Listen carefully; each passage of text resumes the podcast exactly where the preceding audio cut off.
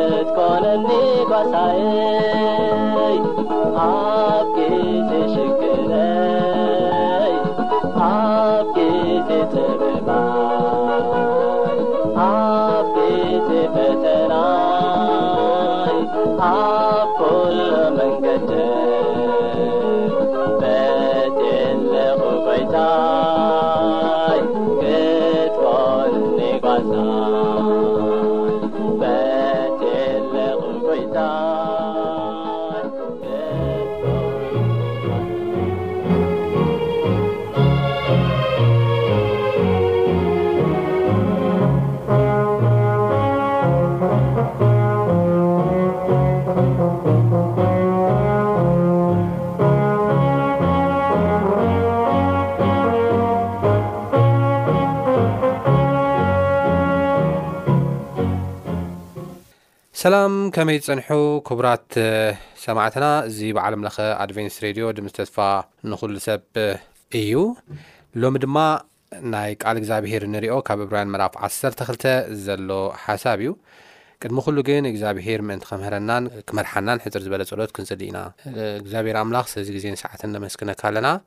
ሕጂ ድማ ቃልካ ከፊትና ነዝነዐሉ እዋን ንስኻ ትባርኸና ከም ፍቓድካ ውን ክንመላለስ ጸጋ ከተብዝሓልና ንልምነካ ብጎይታና መድሓና የሱስ ክርስቶስ ስም ኣሜን። እምበኣር ከምቲ ቅድም ኢለ ዝበልክዎ ሎሚ ንሪኦ ሓሳብ ኣብ ዕብራውያን ምዕራፍ 12 ዘሎ ሓሳብ እዩ። ዕብራውያን ምዕራፍ 12 ዘሎ መጽሓፍ ቅዱስ ትግርኛ ብክልተ መንገዲ እዩ ዝኸፍሎ፣ ሓደ እግዝኣብሄር ንደቁ ከም ዝቐጽዕ ከምኡ ውን ምዕዳን ስምዕታን ብዝብል እዩ ዝኸፍሎ። ስለዚ ኣብኡ ዘሎ ሓደ ሓደ ሓሳባት ምስ ካልኦት ብምትሓሓዝ ክንርኢ ኢና ማለት እዩ። እምበኣር ብመጀመርያ ከንብብ እብራውያን ምዕራፍ ዓሰርተ ክልተ ካብ ሓደ ጀሚረ ከነብብ ይደሊ። ምእንት'ዚ ንሕና ድማ ብኽንድ'ዚ ዝኣክል ደመና ምስክር ተኸቢብና ከሎና፣ ንኹሉ ዝኸብደናን ዝጠብቀናን ሓጢኣት ነርሕቕ፣ በቲ ኣብ ቅድሜና ተሓኒጽና ዘሎ መቀዳዳሚ ብትዕግስቲ ንጉየ። ናብቲ ሕፍረት ንዒቑ ስለቲ ኣብ ቅድሚኡ ዘሎ ሓጎስ ኢሉ መስቀል እተዓገሰ ኣብ የማን ኣምላኽ እተቐመጠ ጀማር እምነታን ደምዳሚኣን የሱስ ንጠምት ይብል። ቀጺሉ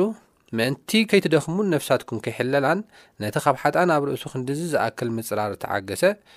ዘክርዎ ይብል። ኣብዚ ሓሳብ እዚ ሰለስተ ዋና ዋና ሓሳባት ተገሊጹ ይርከብ። እቲ ቀዳማይ ሓጢኣት ነርሕቕ፣ እቲ ኻልኣይ ንጠምት፣ ንየሱስ ንጠምት፣ እቲ ሳልሳይ ከኣ ንተዓገስ ዝብል እዩ። እናጠመትና ንጉየ ዝብል እቲ ካልኣይ፣ እቲ ሳልሳይ ድማ ንተዓገስ ዝብል ሓሳብ እዩ ገሊጹ ዘሎ ማለት እዩ እሞ ኣብቲ ናይ መጀመርያ ሓሳብ ንርድኦ ነገር እንታይ እዩ ነቲ ዝጠብቀና ከምኡውን ዝኸብደና ሓጢኣት ዝብል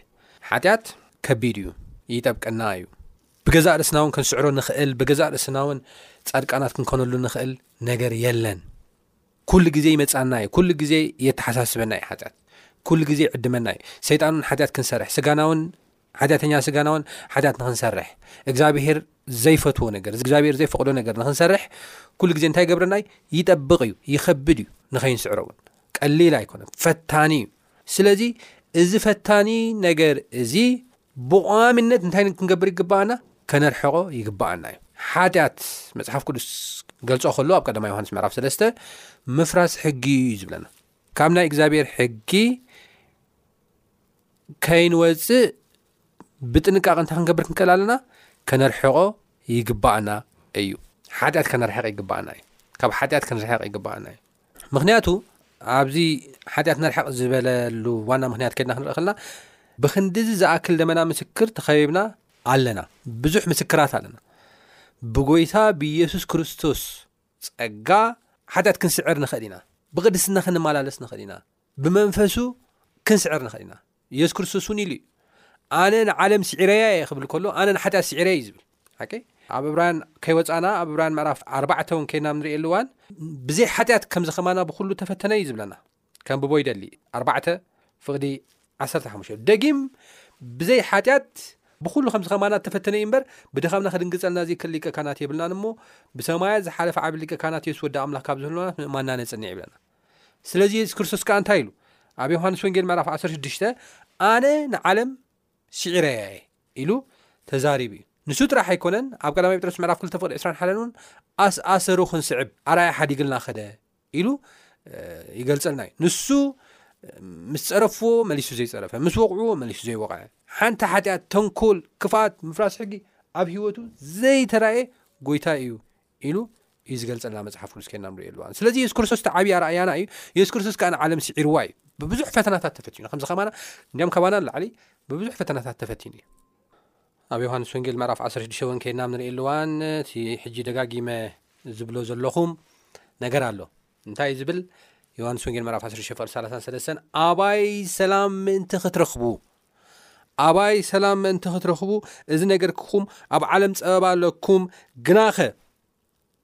ኣነ ንዓለም ስዒረያ እየ ኢሉ መለሰሎም ይብለ ግናኸ ኣጆኹም ኣነ ንዓለም ስዒረያ ይብል ስለዚ ኣብዚ ሓሳብ እዚ የሱስ ክርስቶስ ዝብለና ዘሎ ኣርኣያና ጥራሕ ዘይኮነ ኣጆኹም ኣነ ምሳኹም እየ ክትስዕርዋ እውን ክረድኣኩም እየ ፀጋይ ክድግፈኩም እዩ ክሕግዘኩም እየ እዩ ዝብለና ዘሎ ናይ መጀመርያ ሓሳብ ከድና ንሪኦ ኣለዋና ኣጆኹም እዩ ዝብለና ዘሎ ኣብ ጎንና ከም ዘሎ ከም ዘይፍለየና ከም ዝረድኣና ከም ዝሕግዘና ካብ ውድቀት ከም ዘልዕለና ዘርኢ ሓሳብ እዩ ዝሓሳብ እዚ ስለዚ በቲ በለበቲ መፅሓፍ ቅዱስ ካባና ዝደልያ ብፀጋ ዝደሓኑ ሰባት ዝደልያ ነገር እንታይ እዩ ካብ ሓጢኣት ከነርሕቕ ካብ ሂወትና ከነርሕቕ እዩ ዝግባእ ምክንያቱ ሓጢኣት መርዚ እዩ ሓጢኣት ሂወትና ዘባላሽ እዩ ሂወት ስድራና ዘባላሽ እዩ ሂወት ማሕበረሰብና ዘባላሽ እዩ ሂወት ሃገርና ዘባላሽ እዩ ሰላም ዘጥፍእ እዩ ጥፍኣት ዘምጽእ እዩ ሰላም ዘርሕቕ እዩ ጭንቀት ዘምጽእ እዩ ሞት ድማ ዝወልድ እዩ ሓጢኣት ስለዚ እዚ ሓጢኣት እዚ መርዚ እዚ ቫይረስ ከነወግዶ እዩ ዘለና ምስ ሓጢኣት ክንተሓባበር ምስ ስኽራን ምስ ወልፊ ምስ ሕማቕ ዘረባ ምስ ጸርፊ ካብ እግዚኣብሔር ፍቓድ ምስ ዝወፅእ ነገራት ኩሉ ርእስና ከነርሕቕ ይግባኣና እዩ እሞ ንዑ እዩ ተቐዳማይ እንታይ ይብለና ዘሎ ሓጢኣት ኣርሕቑ እዋ ሓጢኣት ኣይገድፈኩምን እዩ ክጠብቀኩም እዩ እዋ ሓጢኣት ንክትስዕርዎ ከቢድ እዩ ቀሊል ኣይኮነን ፈታኒ እዩ ግን ኣጆኹም ዝበለ ጎይታ ኣሎ ብእኡ እንታይ ክትገብሩ ትኽእሉ ኢኹም ክትስዕሩ ትኽእሉ ኢኹም ብኡ ካብ ሓጢኣት ሓጢኣት ኩሉ ካብ ሰውነትኩም ከተርሕቑ ትኽእሉ ኢኹም ምርጫ ዝተዋህበኩም በቲ ምርጫ ፅድቂ ምምራፅ ኣብ ሂወትኩም ኖ ክልተ ምርጫታት ይኩሉ ግዜ ኣብ ሂወትኩም ዝቐርበልኩም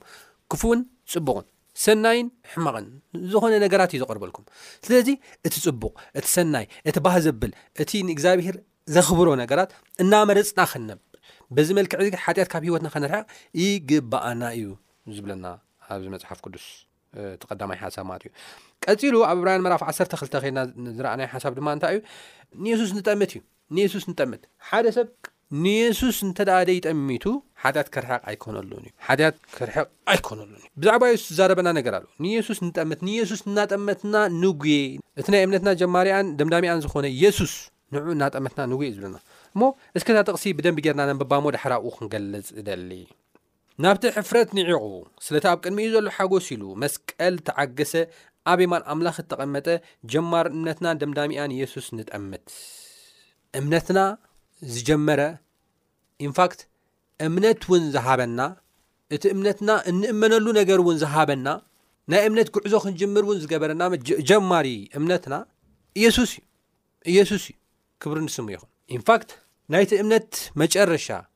ናይቲ እምነት ሸቶ እውን ኬድና ንሪእየኣለዋን ኢየሱስ ባዕሉ እዩ እቲ ደምዳሚ እውን ንሱ እዩ እቲ ናይ መወዳእታ ጎል እቲ ናይ መወዳእታ ክብፅሖ ዘለ እውን ኢየሱስ እዩ ንዑ ንምምሳል ኣብኡ ንምእማን ኣብኡ ተወኪልካ ከም ፈቓዶም ምምላስ ዩቲ ዋና ጎል እውን ማለት እዩ ስለዚ እንታይ እዩ ዝብል ዘሎ ብዚ ሓሳብ እዚ ነቲ ጀማር እምነትናን ደምዳሚያን ራይ ዮሃንስ ደስ ዝብል ሓሳብ ኣሎ ኣብ ራእይ ምዕራፍ ዓሰርተ ኣርባዕተ ፍቕዲ ዓሰርተ ክልተ ዘሎ ሓሳብ ከንብብ ይደሊ። እንታይ እዩ ዝብል እቲ ራእይ ምዕራፍ ዓሰርተ ኣርባዕተ ፍቕዲ ዓሰርተ ክልተ? እቶም ንትእዛዝ ኣምላኽ እቶም ንትእዛዝ ኣምላኽን ንእምነት የሱስ ዝሕልውን ቅዱሳት ከኣ ትዕግሶም ኣብዚ ይብለና። ኣብዛ ጥ- ኣብዛ ጥቕሲ እዚኣ እቶም ንትእዛዝ ኣምላኽን ንእምነት የሱስ ሕጂ እምነት የሱስ እዩ እግዝኣብሄር ብክርስቶስ የሱስ ዝሃበና in fact ኣብ ሮሜ ከድና ኣብ ንርእየሉ እዋን እምነት ሓደ ካብቲ መንፈሳዊ ውህበት እዩ እግዚኣብሄር ካብ ዝሃበና ውህበት እዩ ብየሱስ ክርስቶስ ንዝኣምኑ ሰባት ዝተዋህበና እዩ እታ እተዋህበትና እምነት ናይ የሱስ እምነት እያ እንታይ ዓይነት እያ ናይ የሱስ እምነት ፍፁም እምነት እያ ፍፁም እምነት እያ ሙሉእ ብሙሉእ ኣብኡ ተወኪሉ ናይ መስቀል ሞት ተዓገሰ ሕፍረት ኒዕቑ ናይ መስቀል ሞት ተዓገሰ እትገብር እምነት እያ ፍልይቲ እምነት እያ ግን እዛ እምነት እዚኣ እንታይ ክትገብር ክንክእል ኣለዋ ክትሕሎ ክትክእል ኣለዋ እዛ እምነት እዚኣ እንታይ ክትግበር ኣለዋ ክትዓቢ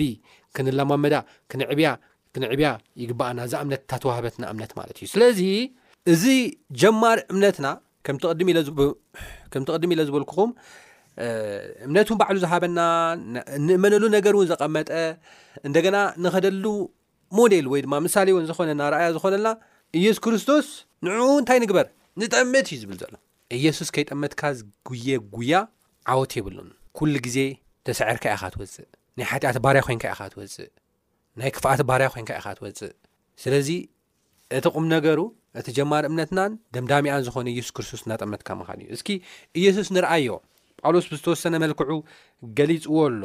እንታይ ይብል? ብመጀመርያ ኣብ እብራውያን ዘሎ ከንብብ ይደሊ። እብራውያን ምዕራፍ ዓሰርተ ክልተ ፍቕዲ ክልተ ዘሎ ሓሳብ ከንብብ ይደሊ። እንታይ ይብልን? ናብቲ ሕፍረት ንዒቑ ስለቲ ኣብ ቅድሚኡ ዘሎ ሓጎስ ኢሉ መስቀል እተዓገሰ ኣብ የማን ኣምላኽ እተቐመጠ ጀማሪ እምነትናን ደምዳሚኣን ኢየሱስ ንጠምት እዩ ዝብለና። ስለዚ ኣብዚ ንኽንርኢ እናተደልየ ዘሎ መግለጺ ዝተቐመጠሉ ነገር ኬድና ኣብ ንርእየሉ እዋን እቲ ቀዳማይ እንታይ እዩ ሕፍረት ንዒቑ እዩ ዝብለና ካብኡኸ ነቲ ብ ቅድሚኡ ዘሎ ሓጎስ ኢሉ መስቀል ተዓገሰ ይብለና ስለዚ ኣብ መስቀል ምስቃል ኣብቲ ግዜ እቲ ኣዝዩ ዘሕፍር ግዜ እዩ ነይሩ ዘሕፍር እዩ ነይሩ ኩሉ ሰብ ከም ርጉም ገይሩ እዩ ዝርእካ ዝሕፍር እዩ ነይሩ ንሱ ጥራሕ ኣይኮነን ኣብቲ መስቀል ክስቀል ከለውን ጥርሑ እዩ ጥራይ ዝባኒ እዩ ተሰቂሉ ኣብ ዮሃንስ ወንጌል ምዕራፍ 19 ፍቅዲ 23 ከና ንርኢ ኣለዋን ሎሚ ኣብ ብዙሕ ፊልምታት ኣብ ብዙሕ ፎቶታት ከና ንርኢ ኣለዋን ዕርቃኑ ንየሱስ ክርስቶስ ክኸድንዎ ከለዉ ባዕሎም ኢና ንርኢ ግን ትክክለኛ ከምኡ ይነበረ ትኽክለኛ ከምኡ ኣይነበረን። መጽሓፍ ቅዱስ ኣብ ዮሃንስ ወንጌል ምዕራፍ ዓሰርተ ትሽዓተ ፍቕዲ ዕስራን ሰለስተን እቶም ዓቀይቲ ግና ንየሱስ ምስ ሰቐልዎ ክዳውንቱ ኣልዒሎም ኣብ ኣርባዕተ ምስ መቐልዎ ነንሕድሕደ ዓቀይታይ ግዲኡ ነቲ ቐምሽ ከምኡ እቲ ቐምሹ ግና ኣብ ላዕሊ ክሳዕ ታሕታይ ኩሉ ትእሉም ነበረ እምበር ተሰፋ ኣይነበሮን ነንሕዶም ከኣ ንዝበጽሐ ክበጽሑስ ዕጫ ደኣ ነውደቐሉ እምበር ኣይንቕደዶ ተባሃሉ እቲ ክዳውንቱ ንርእሶም ተማቐልዎ ቀምሸይ ዕጽ ተዋደቑሉ ዝብል ጽሑፍ ምእንቲ ክፍጸም እዮም እቶም ዓቀይቲ ዝገበሩ ይብል መጽሓፍ ቅዱስ ክዛረበና ከሎ ስለዚ ክዳን ኣይነበሮን ዝሕፍር እዩ ነይሩ ጥራሕ ዝባንካ ጥራሕ ነብስኻ ኣብ ማእኸል ፀሓይ ክትውቃዕ ከለኻ ንሱ ጥራሕ ዘይኮነ ኣብ መስቀል ምስቃል ንባዕሉ ዓብ ሕፍረት እዩ ዓብ ውርደት እዩ ነገር ግን ኣብ ቅድሚ እዩ ዘሎ ሓጎስ ርዩ እንታይ ገይሩ ነቲ መስቀል ተዓጊሱ ኣብ ቅድሚ እዩ ዘሎ ፍረታት ርዩ ነቲ መስቀል ከም ተዓገሰ ኢና ንርኢ ስለዚ ነዚ ተዓጊሱ እንታይ ገይሩ ኣብ መስቀል ተዓጊሱ ናይ መድሓና ከም ዝፈፀመ ንሕና እውን ነቲ ብ ቀድሜና ዘሎ ተሓንፂፅልና ዘሎ ነገር እናረኣና ነቲ ኣብ መስቀል ዝወደቐ የሱስ እናረኣና ንጌ ሓጢኣት ካባና ነርሕቕ ብዙሕ ፈተናታት ክመፀና ክእል እዩ ብዙሕ ነገራት ክመፀና ክእል እዩ ነገር ግን ሓጢኣት በደል ክፍኣት ዓመፅ ስስዐ ካባና ንርሕቕ ይብለና መጽሓፍ ቅዱስ ክዛረበና ከሎ ማለት እዩ ሓጢኣት ንርሕቕ ኢየሱስ ከይረኣየ ዝኽየድ ክያዶ ተሰዓራ እዩ ዝብል ሓሳብ እዩ ዘለዎ ማለት እዩ ብራያን ምዕራፍ 12 ከይድና ንሪኢ ኣልዋን ማለት እዩ ሳልሳይ ሓሳብ ከዓ ከይድና ንሪኢ ኣልዋን ከምቲ ቅድሚ ኢለ ኣብ መጀመርያ ዝበልክዎ ተዓገሱ እዩ ዝብል ኣብዛ ዓለም ክንነብር ከለና መከራ ኣለና የሱስ ክርስቶስ እውን ኢልና እዩ ኣብዛ ዓለም ከለኹም መከራ ኣለኩም ነገር ግን ኣጀኹም ክሳብ ዓለም መወዳእታ ኣነ ምሳኹም እየ ኢሉ ተዛሪቡ ነይሩ እዩ ስለዚ እንታይ ይብለና ኣብዚ እውን ምእንቲ ከይትደኽሙን ነፍሳትኩም እውን ክሕለላን ነቲ ካብ ሓጥኣን ኣብ ርእሱ ክንዲዚ ዝኣክል ምፅራር እተዓገሰ ዘክርዎ ይብለና ምስ ሓጢኣት ምቅላስኩም ገና ክሳዕ ደም እትበፅሑ ኣይተቃወምኩምን ይብል ስለዚ ዘክርዎ ከምዚ ዓይነት ምጽራር በጺሕዎ ከምዚ ዓይነት ተቃውመ በጺሕዎ ነገር ግን መስቀል ተዓገሰ ጎይታ የሱስ ዘክርዎ ብዝኾነ ክብሎ ዝደሊ ወይ ድማ ኣብዚ ክንርድኦ ዝደሊ ነገር ተሃለወ እንታይ እዩ ብጽድቂ ብመንገዲ የሱስ ክንመላለስ ክንፍትን ከለና ምርጫና ጽድቂ ምርጫና፣ ሓቂ ምርጫና፣ መንገዲ ኣምላኽ ክኸውን ከሎ ኣብዚ ዓለም እዚ ፈተናታት ሽግር ዕንቅፋት ምክንያቱ እንታይ ኢሉ የሱስ ክርስቶስ ንዓይ እኳ ጎይታይ ትብሉኒ ክነስኹም ካብ ኣሳዱድኒ ካብ ዘይመሓርኒ ካብ ሰቐሉንስ ንዓኻትኩም ደኣ ክንደይናይ ክንደይናይ ከምኡ ዘይገብርኹም ኢሉ ተዛሪቦም ነይሩ ግን ኣጆኹም ክሳዕ መወዳእታ ዓለም ኣነ ምሳኹም እየ ዝብል ተዓገሱ ፍርዩ ሰናይ ፍርዩ ሰላም እዩ ፍርዩ ናይ ዘለኣለም ሂወት እዩ እሞ ተዓገስዎ ትዕግስቲ ግበሩ ተቓለሱ ቃልሲ እዩ ህይወት እናበለ የሱስ ክርስቶስ ክዛረብ ከሎ ኢና ንሪኦ እሞ ስለዚ ደጊሞም ከንብባ ዝደሊ እታ ሓሳብ ከንብብ እሞ ድሓር ብኡ ክንውዲ ኢና ምእንቲ እዚ ድማ ንሕና ይብለና ብክንዲ እዚ ዝኣክል ደመና ምስክር ተኸቢብና ከሎና ንኹሉ ዝኸብደናን ነቲ ዝጠብቀናን ሓጢኣት ነርሕቕ ኣብ ቅድሜና ተሓንፂ ዝና መቀዳደሚ ከዓ ብትዕግስቲ ንጉየ ብዙሕ ምስክራት ተቐሚጦምልና እዮም ኢንክሉዲንግ ናይ የሱስ ክርስቶስ ህይወት ኣብ ብሉይ ኪዳን ዘለዉ ምእመናን ተቐሚጦምልና እዮም ድሕሪ ሃዋርያ ዝመፁ ኣመንቲ ከም በዓል ጆን ዊክሊፍ ከም በዓል ማርቲን ሉተር ዝኣመሳሰሉ ከም በዓል ዊልያም ሚረር ዝኣመሳሰሉ ብዙሕ ከም በዓል ጀምስ ዋይት ከም በዓል ኤለን ዋይት ዝኣመሳሰሉ ብዙሕ ብዙሕ ብዙሕ ብዙሕ ምስክራት ተቐሚጥልና ኣሎ እዩ እዚ ምስክራት እዚ እንታይ እዩ ተቀዳማይ ሓጢኣት መርዚ እዩ ህይወት ዘባላሹ ምዃኑ ካልኣይ ሓጢኣት ክንስዕሮ ከም እንኽእል ብፀጋ ኣምላኽ ክንስዕሮ ከም እንኽእል ከምቲ ናይ የሱስ ክርስቶስ ቃል ክንስዕሮ ከም እንኽእል ዘርኢ ተስፋ ብዙሕ ደመናታት ተቐሚጥልና እዩ ስዒሮሞ ዝሓለፉ ሰባት ኣለዉ እዮም ኣብነት ክብደሊ ሄኖክ ኣካይዱ ምስ እግዚኣብሔር ገበረ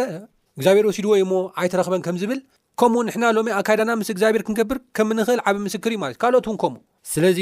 ብዙሕ ከም ደመና ምስክር ተቐሚጥልና ኣሎ ሞ እዚ ምስክር እናረኣና ሓጢኣት ከነርሕቕ ይግባእና ሓጢኣት ከነርሕቕ ንኽእል ግን ካብ ህይወትና ሓጢኣት ከነርሕቕ ንኽእል ግን ናብቲ ሕፍረት ንዕቑ ስለቲ ኣብ ቅድሚ ዘሎ ሓጎስ ኢሉ መስቀል ተዓገሰ ኣብ የማን ኣምላኽ እተቐመጠ ጀማር እምነታን ደምዳሚኣን የሱስ ክንጥምት ከለና እዩ ሳልሳይ እወ ንየሱስ ክንጥምት ከለና እዩ። ሳልሳይ ድማ እንታይ እዩ? ክንዕገስ ከለና እዩ። ብጽንዓት ክንቃለስ ከለና እዩ። ምስ ሓጢኣት፣ ምስ ዓመፅ፣ ምስ ክፍኣት፣ ምስ ትጸብቀና፣ ምስ ዝኸብደና ሓጢኣት ብምቅላስ እዩ። እንታይ ክንገብር ንኽእል? ክንስዕሮ ንኽእል ማለት እዩ እሞ በዚ መልክዕ እዚ ክንመላለስ ከም ፍቓዱ ድማ ክንነብር እግዚኣብሔር ፀጉ የብዝሓልና ኣብ ዝቐፅል ናይ ዝመቐፀልቱ ሒዘልኩም ክቐረበ ክሳብ ዝቐፅል